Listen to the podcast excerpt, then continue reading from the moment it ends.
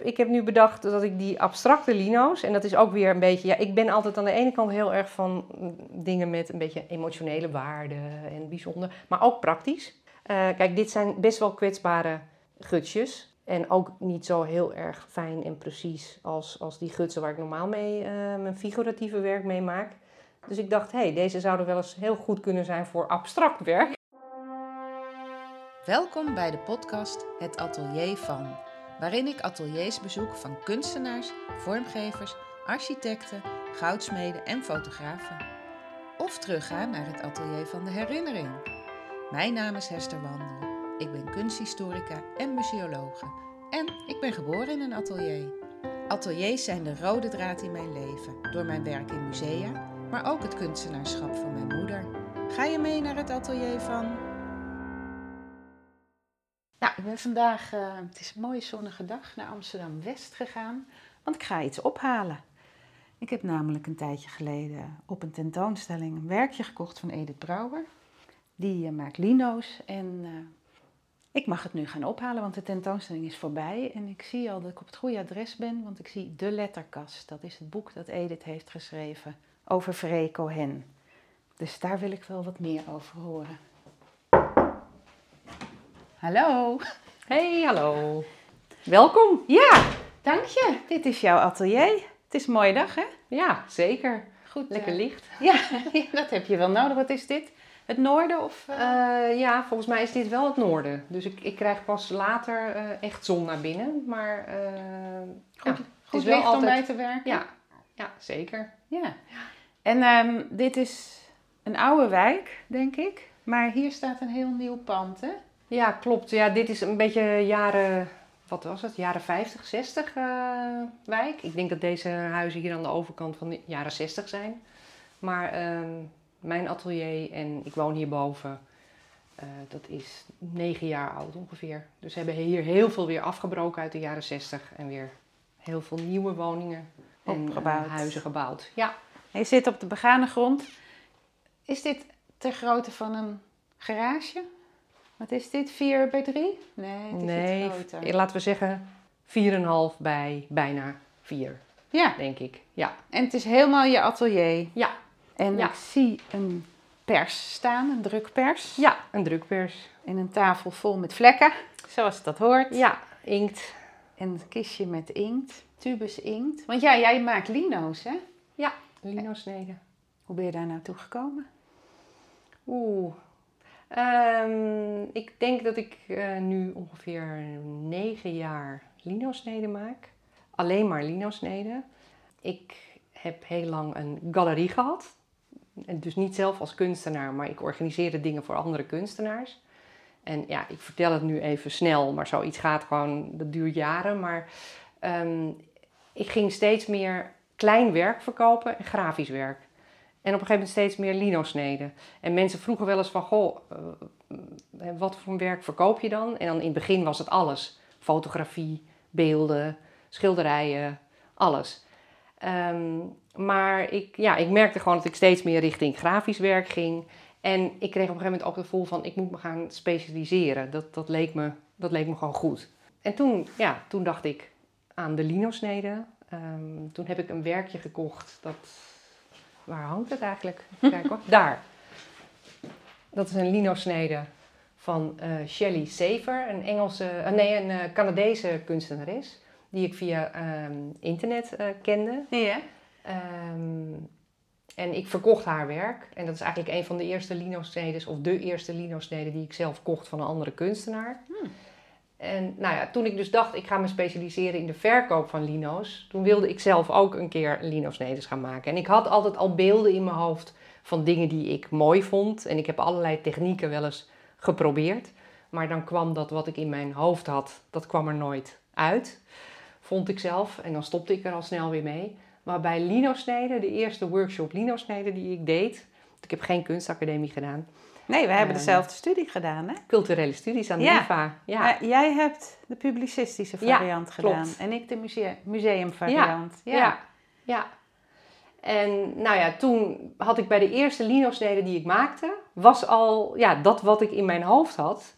En daar was ik zo enthousiast over dat, nou, daarna heb ik eigenlijk Eh, ja, drie maanden later stond die pers hier al. En, ja. Toen heb je je galerie gestopt ook? Ja, nou, waar dat heet galerie? op de Keizersgracht. Die had ik toen al, op een gegeven moment... Nee, die had ik toen al gestopt. Die, daar was ik al mee gestopt. Maar ik was, ging wel door met Atelier Open. Dat heette Atelier Open, die, die galerie. En ik ging meer pop-up dingen organiseren voor andere kunstenaars.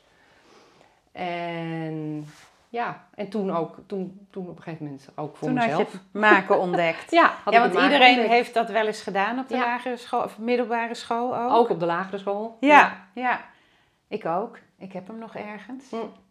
Ja, het is wel een bijzondere techniek. Eigenlijk denkt iedereen dat kan je, maar het is, je moet echt ook heel goed nadenken over wat je erop wil hebben en wat juist niet. Ja, klopt. Ja, het, nou ja, het is qua grafische technieken een van de meest laagdrempelige uh, grafische technieken. Uh, je hebt, ja, wat heb je nodig? Een stukje linoleum, wat gutsen, hè, een soort mesjes, en, uh, en inkt of verf. Het kan ook met verf natuurlijk, maar ja, kunstenaars gebruiken meestal inkt. Ja, want dit zijn tubes, maar het is dus inkt. Ja, het is inkt. Het is inkt, het is druk inkt. Je hebt verschillende soorten druk inkt. Dit is dan speciaal voor hoogdruk, dus voor, voor houtsnedes. En Doe je dat ook, houtsneden? Nee. Ik, ik bedoel, ik, ik heb het wel eens gedaan, maar ik hou me voorlopig uh, Nou, je kan er veel mee, toch? Met... Ja, ja, je kan... En toen werd je gegrepen? Ja, toen werd ik gegrepen, ja. Ja, want het hangt hier helemaal vol. We gaan nog even verder met beschrijven. Want um, allemaal kleine lijstjes met um, lino-sneden, ook in verschillende kleuren. Gedrukt op bladzijden van een boek.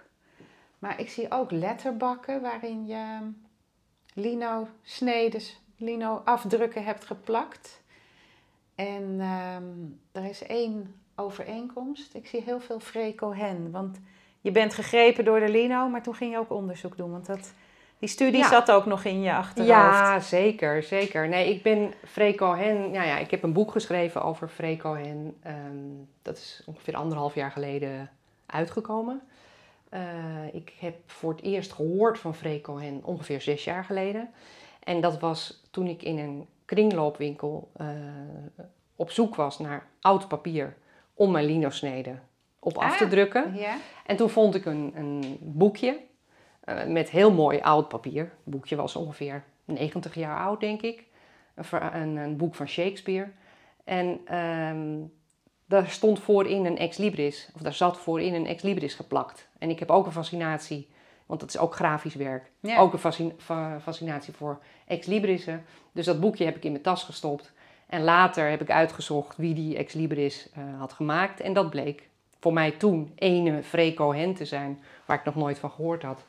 En dat bleek uh, Frederica Sophia Cohen, een vrouw, nou, een hele interessante vrouw. En daar, daar werd ik grote bewonderaar van. Ja, en, uh, ja ze heeft heel veel voor de uh, socialistische partij ook, de socialistische partij, de... Voor de AJC, de, de Arbeiders Jeugdcentrale. Ja. Dat was zeg maar de jongere afdeling van de, van de voorganger van de Partij van de Arbeid, de ja. SDAP. En dat was in de jaren twintig, toen zij daar lid van werd. En ja, daar, heeft, daar is zij begonnen eigenlijk als, als 16-jarige tekeningen eerst en later uh, ook lino-snedes. En zij werd steeds meer gevraagd om ook voor andere dingen te maken. Ja. Ook ex libri. Ja. Ex librissen. Ex en uh, ja, later is ze echt een, een heel bekend graficus geworden. Voor de gemeente Amsterdam heeft ze heel veel uh, gedaan. Ze heeft heel veel boekomslagen ontworpen. Um, ja, heel veel met lino-sneden, maar ook met houtsneden en andere grafische technieken. Ja, en toen ben je onderzoek gaan doen en toen heb je er een soort, ja, noem je het een roman of geromantiseerd ja. verhaal? Hoe noem je het zelf? Ja, het, het, het, nou op het boek zelf staat roman, gewoon om ook duidelijk aan te geven, het is geen biografie. Um, en in het boek eh, geef ik ook een soort verantwoording van hoe ik het gemaakt heb. En dat is, ik heb heel veel feitenonderzoek gedaan, uh, maar ik heb het aangevuld met mijn fantasie, ja. met mijn verbeelding. Nou ja, het is heel beeldend geschreven en ja. ik kan me daar heel wat bij voorstellen en ben ook zeer geïntrigeerd door haar. Ik was er al eens tegengekomen omdat ik toen onderzoek deed voor een tentoonstelling, De Rode Droom, in het Rijksmuseum. Mm. Het was een werkgroep bij culturele studies mm. van Wim Vroom over socialistisch glas- en aardewerk. Ja, ja. En eh, ja, in het onderzoek van, eh, bij de AIEC en nou ja, van alles kwam ik ook inderdaad Ja. al boekjes tegen. En ja, het is natuurlijk prachtig grafisch eh, Ja, ontwerp. ja. ja, als je onderzoek gaat doen naar de AJC, dan kan je bijna niet eh, om Freco Hen heen. Nee. Eh, want dan kom je haar gewoon tegen. Vooral in de jaren 20, 30 natuurlijk. En er is ook een tentoonstelling geweest. Is dat vorig jaar geweest in eh Museum Het Schip? Ja. Ja, hè? Ja. Over haar. En daar werd jouw boek natuurlijk ook verkocht. Ja, Ben ja je- en ik zat ook in de, in de werkgroep die die expositie heeft voorbereid. Ja, mooi hoe dat loopt dan, hè? Ja, ja Dat je, dat- eh, ik, ik, ik had al contacten via de Lino-snede met eh, Museum Het Schip. En ehm, in de vaste collectie hebben zij ook een aantal eh, ja, objecten, noem het zo maar te zeggen, van Freco Hen. Ehm, en nou, toen ik dat voor het eerst zag, eh, was ik net geïnteresseerd in Freco Hen. Dus toen had ik, nou ja, had ik zoiets van, oh wat leuk, bij Ja. Museum Het Schip hebben ze ook Freco Hen. En ja, toen heb ik dat verteld aan die directeur van het museum. Van ik ben met een boek bezig over Freco. En nou, dan heb je daar een leuk gesprek over. En dan ja, een jaar later eh, eh, we- belde ze me op en zei ze dat ze een expositie gingen organiseren over haar en of ik in de werkgroep wilde. ja, want jij had ondertussen in je onderzoek natuurlijk al heel veel gevonden. Ja, Want ze heb je- in die werkgroep zaten dus allemaal mensen die, die op de een of andere manier eh, ja, haar bewonderen of veel van haar werk hebben. Verzamelaars. Ja, ja. Ja, Oh, dus dat was smullen voor jou. ja. Maar toen ja. was je boek al af. Nee, toen was mijn boek Oh, nog dus niet af. Nee, toen had ik een deadline. eh, Ja, toen- precies. toen dacht ik, nou, nu moet dat boek. Ik had zelfs nog geen uitgever. Toen, toen dacht ik, nou, dat boek moet dus af als, als die expositie opent. Want anders eh, hè, is het monster na, na de maaltijd. Ja. En eh, dat is gelukkig gelukt. En dat boek, eh, dat heet ook De Letterkast, hè? Ja, dat heet de letterkast. En hoe ben je op die titel gekomen? Nou, dat was mijn werktitel. Ehm, ja, omdat zij graficus is en, en ik, ja, ik ook al heel snel eh, letterkasten ben gaan verzamelen in die tijd. Ja, de Omdat- lades waar de letters bij de drukker in zaten. Klopt. Die lode letters nog, de, de kast heet een zetbok en daar zitten laden in met, met lode letters. En die laden die heten letterkasten. Ja, En, dat is vaak ze, een beetje verwarrend. Ja, wij noemen ze altijd letterbak, omdat je er vroeger je, sp- Ja, je frummeltjes in Ja. zette, ja die, maar. die dingen uit de jaren 70, 80, zeg maar, waar mensen hun frummeltjes in zetten. Dat worden vaak letterbakken genoemd. Maar die lades heten, in een drukkerij heet het een letterkast. En dat was mijn werktitel. En toen ik eenmaal een uitgever had en zei, ja, heb je al nagedacht over de titel? Toen zei ik, nou ja, mijn werktitel is de letterkast. Toen zeiden ze meteen, nou, goede titel, eh, dat wordt gewoon de titel van het boek. Ja, Ja, en toen ben je ook van alles met die letterkasten gaan doen, hè? Ja, ja ik heb eh, ongeveer twintig oude letterkasten verzameld via drukkerijen, kelders van drukkerijen waar ze dan nog een paar oude kasten, lades dus, hadden staan. En eh, ik heb de ene helft heb ik gevuld met, met werk van Freco Hen. En Dus eh ex libri Ja. en boekjes. ja, Want die kon je Boekjes. gewoon ook nog vinden. Ja. Hangt hier ook heel veel vinden. Met Ja. iets van het Pinksterfeest uit 1936, waar zij dan dat logo heeft gemaakt daarvoor. Het hele op. boekje heeft Het hele vorm boek. gegeven. Ja, natuurlijk, ja. Ja, en inderdaad een ex libris. En daarboven eh, etiket, schooletiketten die ze dan weer voor de gemeente had gemaakt. En die Eh, op het- schriften geplakt, hè? ja, op schriften geplakt. En daar stonden dan dingen op als eh, dat je geen vuilnis op straat moet gooien. En hoe je netjes over moet steken. En, en allemaal van dat soort. eh, Bemoeizuchtige, Ja. maar goede teksten. ja. En in andere letterkasten heb ik boeken gedaan die zij heeft, het omslag voor heeft gemaakt of heeft vormgegeven. Eh, dus Dat dat deed ik ook in de tentoonstelling. Nee, niet in de tentoonstelling in het schip. Want, dit, dit, want dat zou een beetje conflicteren met, met de expositie. Mhm. Nee, die, die letterkasten heb ik gemaakt eh, eigenlijk om in de etalages van boekhandels eh, naast mijn boek eh, Oh, te zetten. Dus die zijn heel veel ja, in boekhandels geweest. Of als ik ergens een lezing gaf. Of, dus je kwam je, met je eigen vormgeving voor Ja, de etalage ja, aan. Heel klopt. slim. Ja, nee, dat Ja. was inderdaad, dat heeft ook heel goed gewerkt. Twee weken geleden eh, stond deze nog in een boekhandel in de Cornelis Schuitstraat, omdat ik daar een lezing gaf over Freco Hen. Ja. Dus heeft hij daar twee weken gestaan. Dus daar gebruik ik die letterkasten voor. Daarnaast heb ik eh, letterkasten gemaakt met eh lino-sneden die ik rondom mijn boek gemaakt heb. Ehm, Wat zie je hier? Welke straat is dit, dat? Nou, dit is niet één specifieke straat. Dit is gewoon een straat in Amsterdam. En dit, ja, deze lino heeft te maken met het verhuizen. Frecohen is regelmatig verhuisd in de stad. En nou, daar wilde ik gewoon een, een, een lino-snede bij maken. Hier zie je bijvoorbeeld een lino-snede van Frecohen met, met een schildersezel in haar hand. En dat, En dat heb je gebaseerd op foto's van haar. Ja, ja, heb foto's. jij de lino's gemaakt? Ja, op het omslag van het boek staat een portret van Frecohen. Ook een lino-snede. En er is hier een lino-snede van, van een, wel een straat in Amsterdam. Dat is de Blazierstraat in Amsterdam-Oost. En daar is zij geboren. Dus zo heb ik een hele serie gemaakt. En die heb ik ook verwerkt in letterkasten. En die hebben wel in Museum het Schip gehangen. Maar dan in de eh, winkel of Ja, dat? in de Het lunchroom. Ja. Ja. En nu hangen, ze, hangen er een paar in Museum Schul in Elburg. Oh. Want daar is nu een tentoonstelling over Frecohen. En is Tot dat... eind april. Oh, dan moeten Nou ja, ik heb hem in Ja. het schip gezien, maar dat is Ja. nog wel een goeie. Ja. Ik weet niet wanneer deze podcast uitkomt. Dus, eh, maar haar werk is zo intrigerend en je hebt je boek, er komt vast nog wel meer aandacht voor daar. Nou, er is nu zelfs, eh, maar dat, ik, dat is volgens mij zelfs gisteren of eergisteren geopend in het Joods Historisch. Een, een eh, tentoonstelling, maar niet alleen over Frecohen, maar ook weer waar werk van Frecohen te zien is. Hm. Dus ik weet niet precies wat het onderwerp is. Ik geloof wel jaren ja, tussen 1900 en 1950.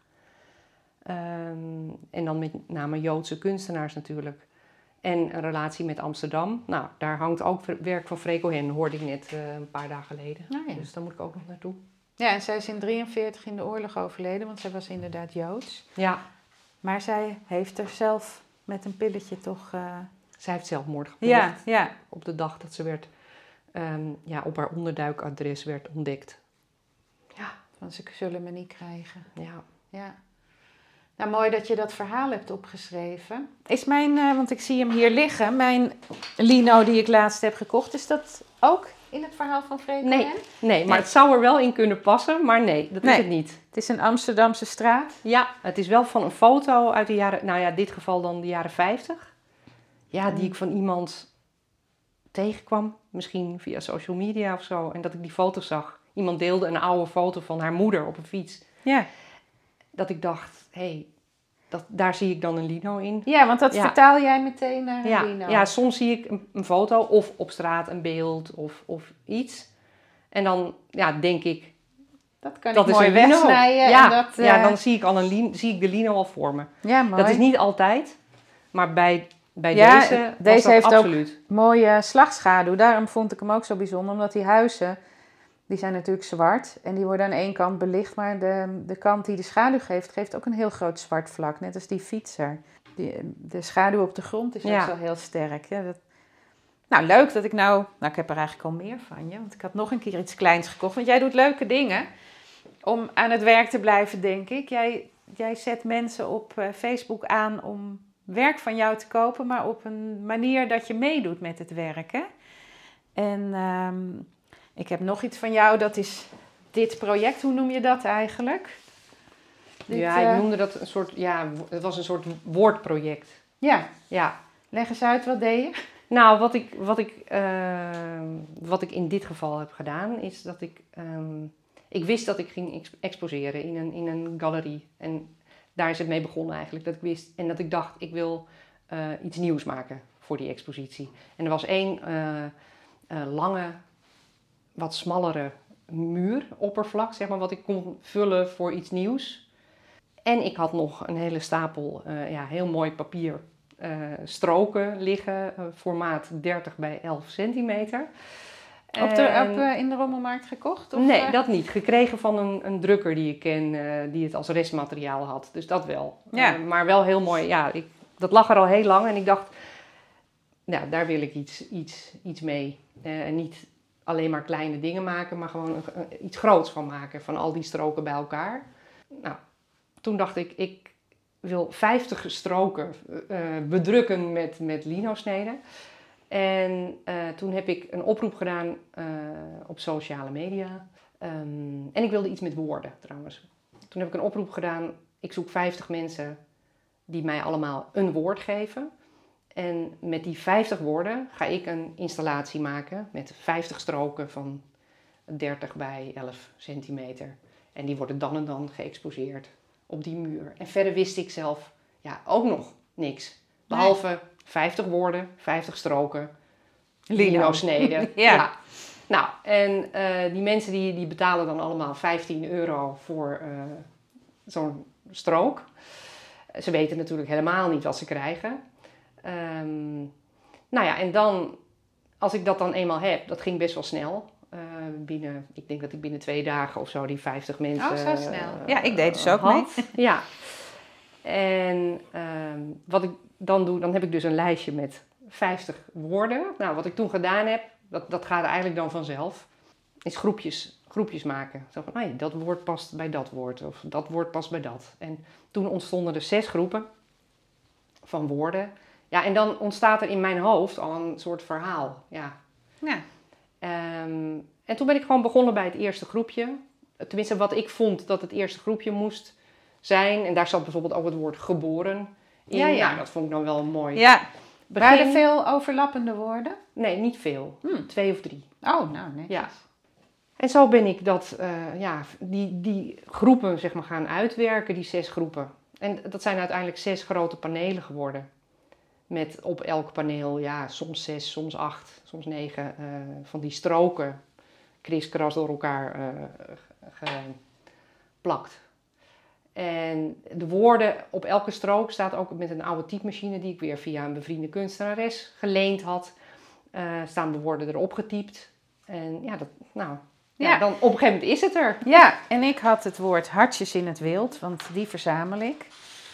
En jij hebt daarvan gemaakt twee blauwe meeuwen, neem ik aan. Ja, Met drie oranje zonnen. ja. En het waren een beetje speelse woorden onder deze. Hè? Ja. En hoe kom je dan op zo'n meeuw en een zon of een bol? Ja, kijk, ik, ik heb het. ehm, de, de valkuil voor dit, van dit project voor mij was dat ik elk woord, voor elk woord een eigen ja. lino-snede zou gaan maken. En dan zou het geen geheel worden. Tenminste, dat heb ik, die ervaring heb ik inmiddels. Dus ik heb het echt als groepje woorden hè, gepakt. En dus de, bij jouw woord is niet per se dat ik dan aan een meeuw dacht of zo. Nee. Maar bij dat groepje woorden, dat groepje woorden had wel te maken met, eh, met eh, laat ik zeggen, vrijheid. En het laatste woord was ook vrijheid van, de, van die 50 woorden. Hm, Van geboren en vrijheid. Ja, geboren Ja. en de laatste was vrijheid. Ehm, en die, ja, jouw woord, hartjes in het wild, dat, dat hoorde bij dat, dat vrijheid. En bij dat vrijheid hoorden voor mij ja, vogels op de een of andere manier. Want bij vogels heb ik altijd het gevoel dat ze echt gewoon overal naartoe kunnen. eh, Alleen de vogels Vliegen? vliegen, van oost naar west Ja. Berlijn. Ja. dat is ook zo. En, Ja. ja. ik, ik, ik- en, en ook vogels zullen wel hun eh, niet-vrijheden hebben of zo. Maar voor mij ja, zijn Ja. vogels toch heel erg voor vrijheid.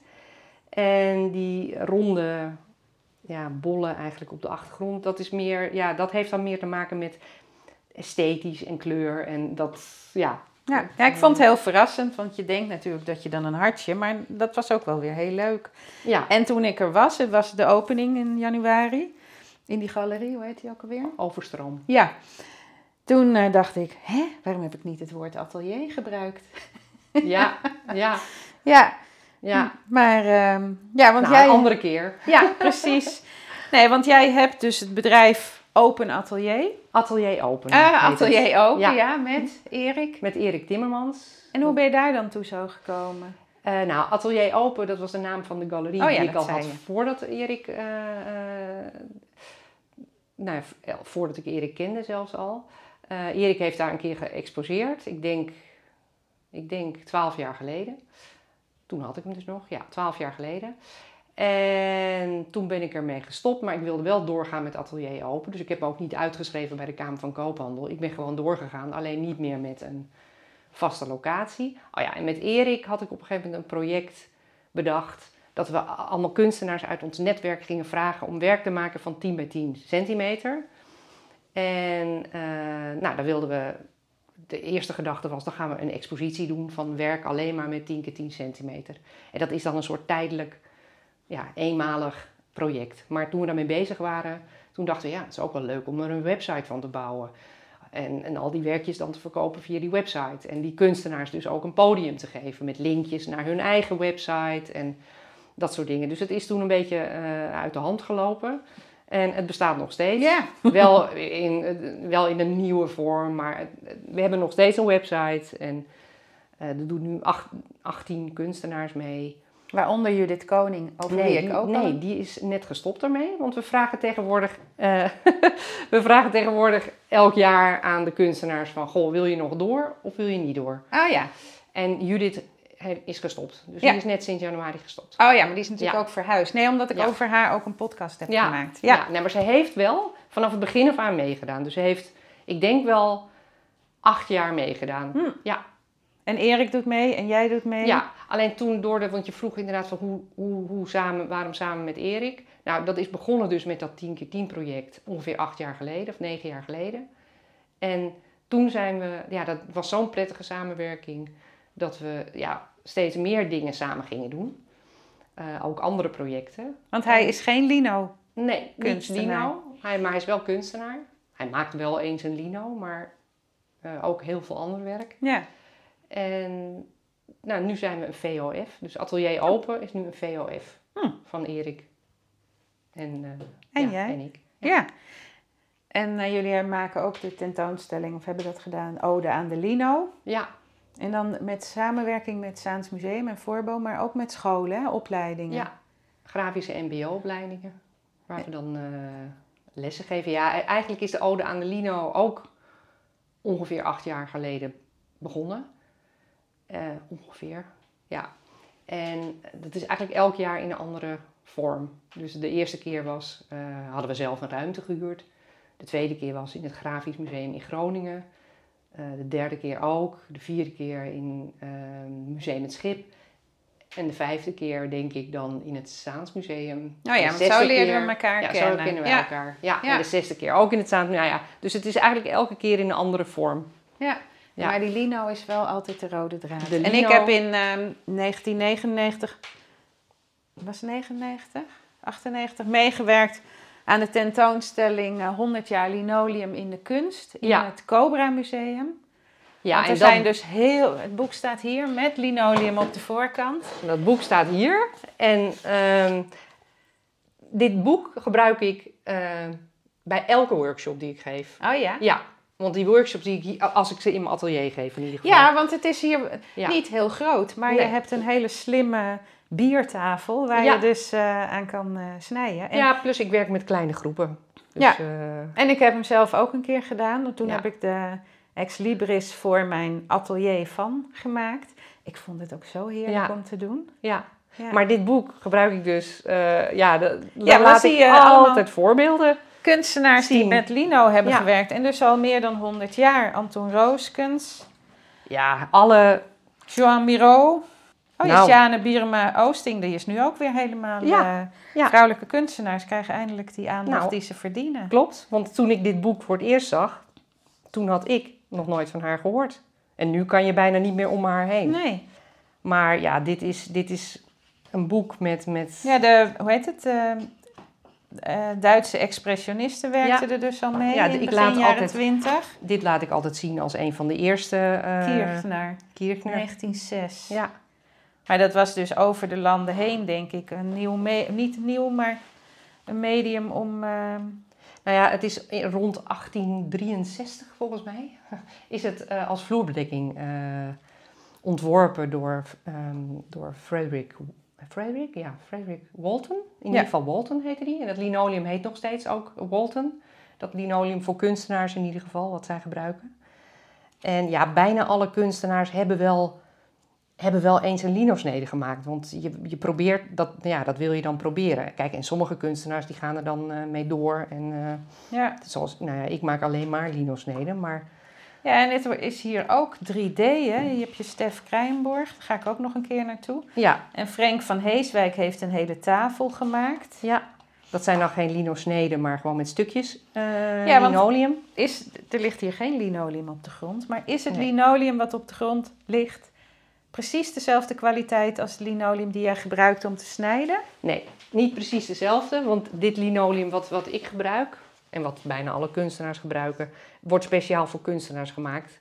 Eh, dat is gewoon grijs. Ik bedoel, dat hoeft niet in een hele fancy Nee. eh, kleur. En het hoeft ook niet gemarmerd en, en, en dat soort dingen. En er hoeft ook geen coating, liever niet zelfs, Nee, want eh, dat is op natuurlijk... te zitten. De Ja. coating maakt het anders. Maar het is inderdaad Maar een verder wel- achtergrond. En het is heel natuurlijk, heel natuurlijk product met Ja. lijnolie. En het zat er nog meer in krijt. En, Ja, eh, wak, eh, hoe heet het? Hars, ja, lijnolie, houtmeel. eh, en het wordt geperst op jute. en in Krommenie ruikt het ook zo. Ja, alleen dan een factor sterker nog dan... Ja. Heerlijk Dan voor de zaankanters. ja. Ja, Maar Ja, wat ik het bijzondere aan dit boek, waar ik dit boek voor gebruik eigenlijk, is om te laten zien de veelzijdigheid van... ja. Wel, hè, want sommige lino-sneden, ja, gewoon zwart-wit, dan, dan zie je wel van, oh ja, dat is een lino-snede of een houtsnede. ja, want dat is soms nog best moeilijk te zien. Ja, Als je maar de er zijn- houtstructuur ziet, dan weet je het. maar er zijn ook kunstwerken eh, ja, waaraan je helemaal niet ziet dat het een Cobra lino-snede is. gebruikte het ook. Ja, en er is ehm, ehm, Kees Dekker, de, de vormgever voor Verkade, heel lang.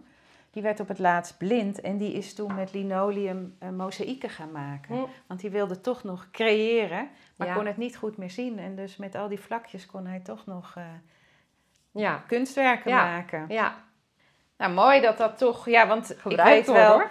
Elke week. Ja, de de, het archief van Forbo was niet zo dat je met hun archief een tentoonstelling kon maken. Maar door ervan te maken 100 jaar linoleum in de kunst hadden ze daarmee een hele goede Nou, tentoonstelling. Oh, nou, ga nog even verder neuzen hoor. Want ik zie hier een eh, kastje met allemaal vakjes en laadjes. En daar, je bent heel geordend, hè? Eh, nou ja, dat lijkt zo, maar ehm, ik, heb net op, ik heb net opgeruimd. Nee, dat valt. eh nou, ik weet wel waar alles ligt. Dus in die zin ben ik wel geordend. Maar, ehm, Je ruimt ook eens in de zoveel tijd op. Ja. Klopt. En dan, Ja. dan gooi je het in de verkoop of het gooi je ook echt weg. Ik, ik gooi sommige dingen gewoon weg. Dat kan ik best goed. Ja, knap. Ja, ja. En, ehm, en ik ver- verkoop dan sommige dingen voor heel weinig. Ik heb nu bijvoorbeeld onlangs eh, een aantal letterkasten die gewoon leeg waren en die ik niet meer gebruikte. Die heb ik verkocht. En, Nou, ik eh, vind het knap, want sommige mensen denken...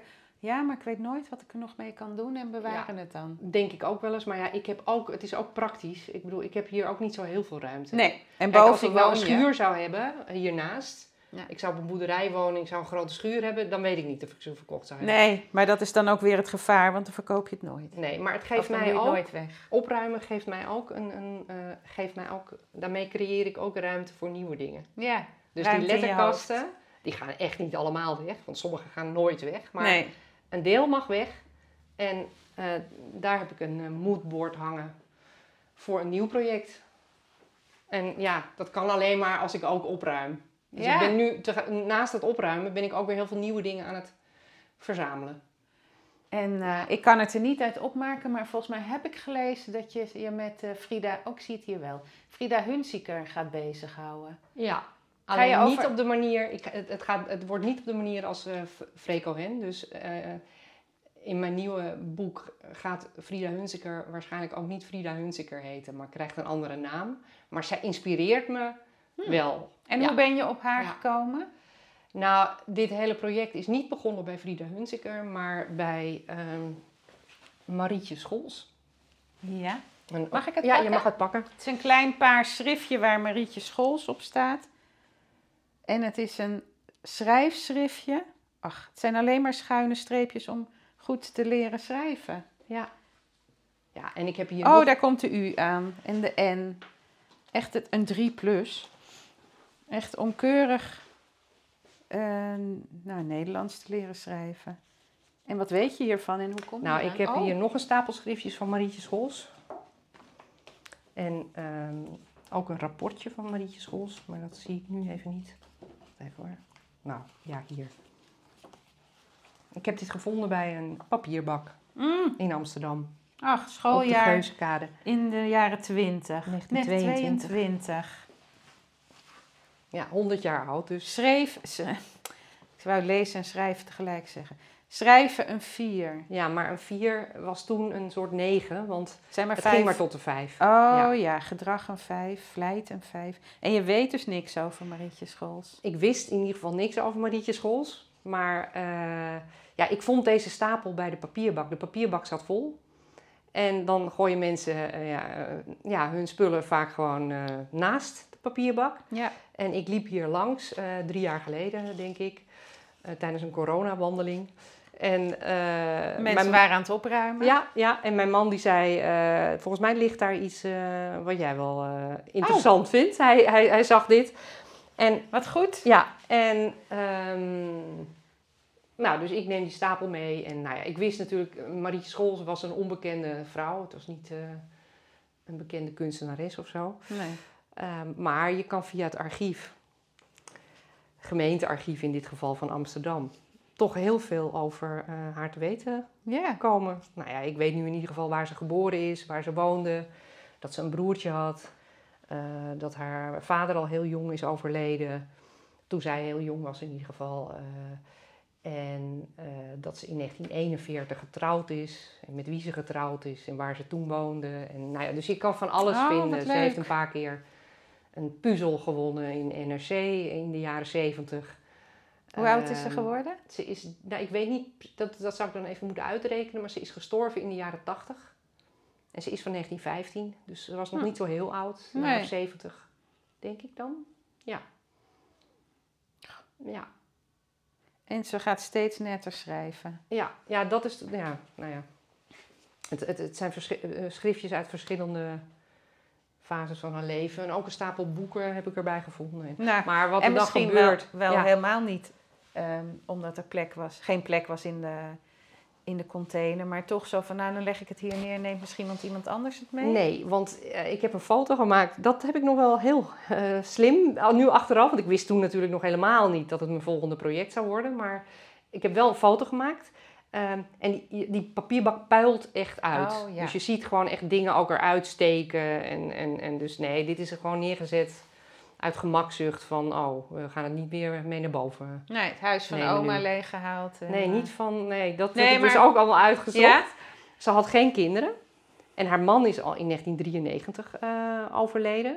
Dus het is heel raar überhaupt dat het pas zo laat... Ja, buiten of het lag bij de buren op zolder. Of, eh, Ja, ik denk dat het op zolder lag. Eh, en dat die zolder verbouwd is of zo. En dat ze toen een doos gevonden hebben met deze spullen. Want er woonde niet meer iemand die haar kende. Nee, Nee, het het heeft was daar de gewoon... Saxenburger School te Amsterdam. Ja, En dan nog, hoe kom je van Marietje Scholz bij Frida Hunziker? Ja, ehm, nou, ik wilde een, een verhaal schrijven wat zich afspeelt eh, vlak na de oorlog. Dus eigenlijk een soort vervolg op de periode in ieder geval waar, eh, van, van mijn vorige boek. En dan weer wel over Amsterdam en weer over de kunstwereld. En dus ik wilde haar een vriendin geven die eh, kunstenaar is, was. En ja, het werkt bij mij dan zo dat ik het, dat ik dan het wel fijn vind om iemand eh, als voorbeeld te nemen. Dus toen ben ik op zoek gegaan naar een, een, een kunstenares die vlak na de oorlog bekend was. eh, en die abstract werk maakte, want ik wilde ook iets gaan doen met abstracte kunst. Eh, en toen kwam ik uit bij Frida Hunziker. Want die, die was bijvoorbeeld eh, in 1946 was er een expositie in het Stedelijk Museum. Met Jan Roede en Peter Alma en Dick Elvers. Ja, het Per heet Gerrits. 12 kunstenaars. Ja. Oh nee, 12 schilders. En dat waren 11 mannen en één vrouw. En die Hmm. vrouw was Hunziker. Nou, dat vind ik dan alweer interessant. Dan Ja. denk ik, goh, 12 schilders, één vrouw. En zij was ook nog binnen hun groep. eh, was zij zeg maar een, een soort, hoe noem je dat? Een, een, een, nou ja, de, een initiatiefnemer. eh, ze, deed, ze deed ook de financiën. Ze regelde dit en ze regelde dat. Dus ze was ook nog eh Ze kwam Ja, goed een- ervoor op. trekker, zeg maar. Of hoe noem je dat? Een, een, Voorloper. ja, ja, Aanjager. aanjager. Ze was een aanjager, ja. En ehm, heeft ze ook lino's gemaakt? Eh, volgens mij heeft ze wel eens een lino gemaakt, maar dat was niet haar belangrijkste werk. En ze werkte voor de oorlog vooral figuratief. en na de oorlog abstract. Hm. En die, ja, Ja. die overgang, die vind ik ook wel interessant. En daar weet ik eigenlijk ook best wel weinig van. Ik werk zelf normaal gesproken helemaal niet abstract, maar figuratief. Ja. En dus dit is dan voor mij een uitdaging. Het wordt ook echt een zoektocht naar abstracte kunst. Wat en daar leuk. zit ik nu nog middenin. Dus ik ben zelf ook abstracte lino's eh, Oh, gaan maken. Ja. Gewoon omdat... En ja, je hebt jezelf iets ervaren. opgelegd. Want dit moodboard staat ook een lijstje op. Ja. Eind maart 6000 woorden. Ja, 30 maart 3270 ja is woorden. niet gelukt. Nee? ik heb niet mijn eh, Oh, maar je stelt het target gehaald. Ja. Oh, maar je had op 28 maart in plaats van 2850 had je er toch wel 3060. ja, ja, dat is mijn maniertje van... Wat eh, leuk. Geordend werken. Ja, En de schriften, gaat het zo heten? nou dat is de werktitel. Ja, nou, dus dat is nu de werktitel. De schriften. Ja, Ja, en ehm, is er al een deadline? nee. Is er al een tentoonstelling in het zicht? Nou, er komt wel een tentoonstelling over Frida Hunziker, maar die begint al volgende maand. Dus dat Oh. gaat niet eh, lukken. Die was al in gang gezet voordat... is wel heel toevallig dat jij haar ik- dan ook kiest. Ja, ja, ik had haar gekozen. En toen heb ik eh, een keer... Het, het, het nieuwe boek gaat helemaal opgebouwd worden rondom exposities in de jaren 40 en 50... die echt waren in het Stedelijk Museum. En daarom heb ik een keer met een curator van het Stedelijk Museum gesproken. Eh, ook over Frida Hunziker onder andere.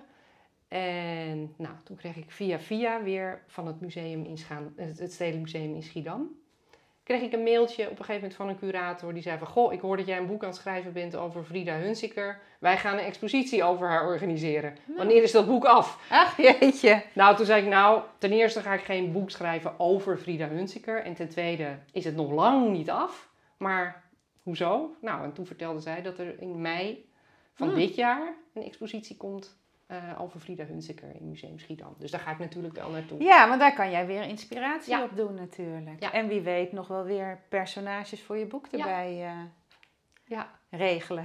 ja, Wat leuk dat je zo werkt. ja. ja. En dan heb je inderdaad wel een eh, opgeruimd atelier nodig om je ergens op te concentreren. Ja.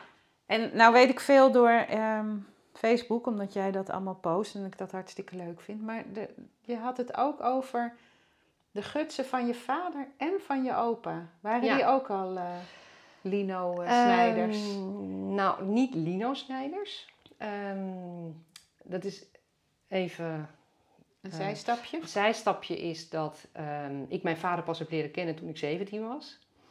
En hij een jaar geleden is overleden. Mm. En ik hem in de tussentijd, de, dus die, in die 30 jaar dat ik hem wel gekend heb, of 35 jaar, ongeveer één keer per jaar gemiddeld zag. En eh, nou, prima band. Eh, hij deed heel ander werk. Hij eh, had cafés en, en, en nou ja, was ondernemer.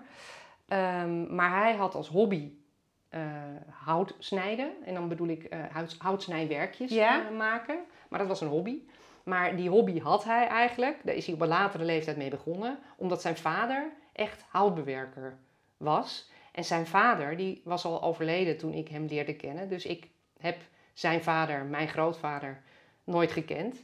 Maar eh, wat ik ehm, nou, ongeveer een half jaar geleden hoorde, was dat mijn eh, grootvader, dus ja, waarschijnlijk dan in de jaren 20, 30 of zo, het interieur van, eh, van vrachtwagens, eh, het houtsnijwerk in, ja, dat was dus blijkbaar met met Oh. hout, eh, dat hij dat maakte. Dat dat zijn werk was, zeg maar. Dus het interieur van vrachtwagens. En hij had als hobby had hij hele mooie dozen of kisten.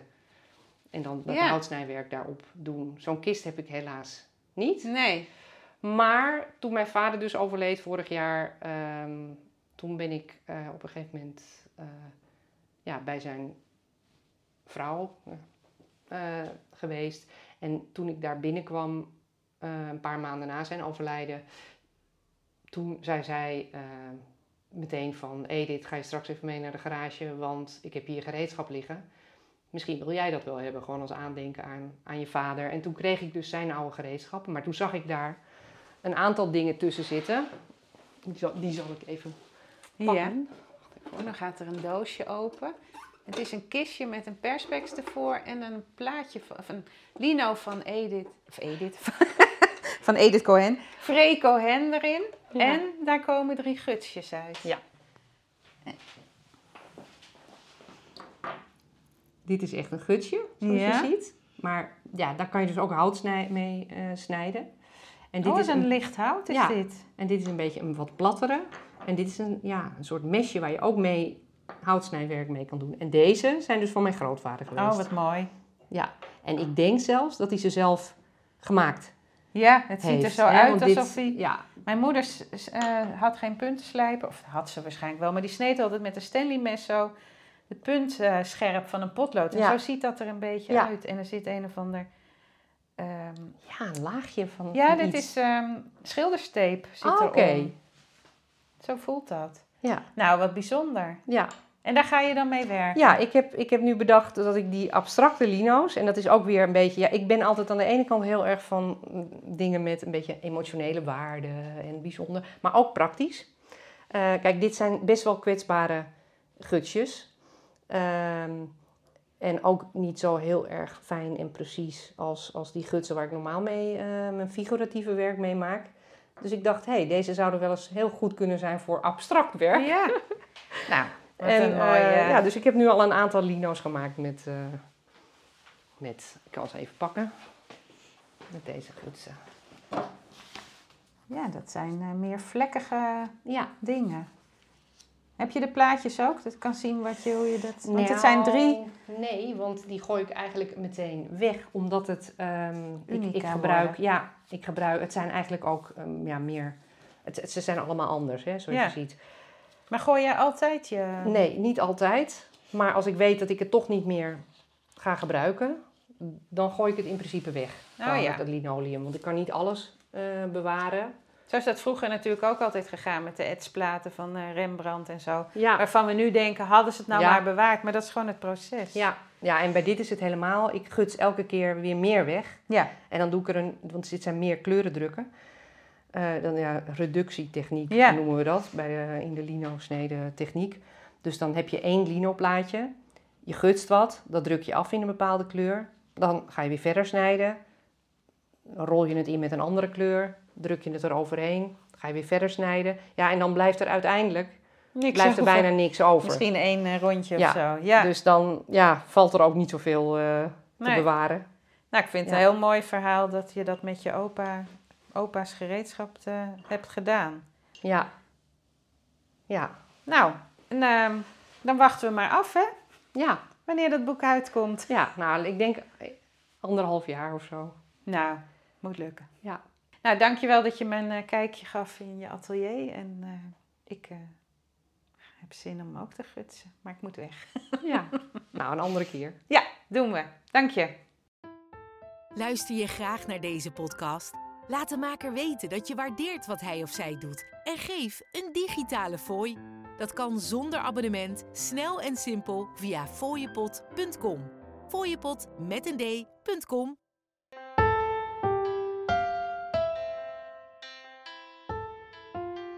Dat was weer een fijn bezoek in het atelier. Krijg je er ook zo'n zin van om zelf aan het werk te gaan? Of ben je nieuwsgierig naar hoe het er bij een ander uitziet? Luister dan naar de volgende podcast, waarin ik weer bij een heel andere kunstenaar op bezoek ga. Denk je nu, kom ook eens bij mij langs?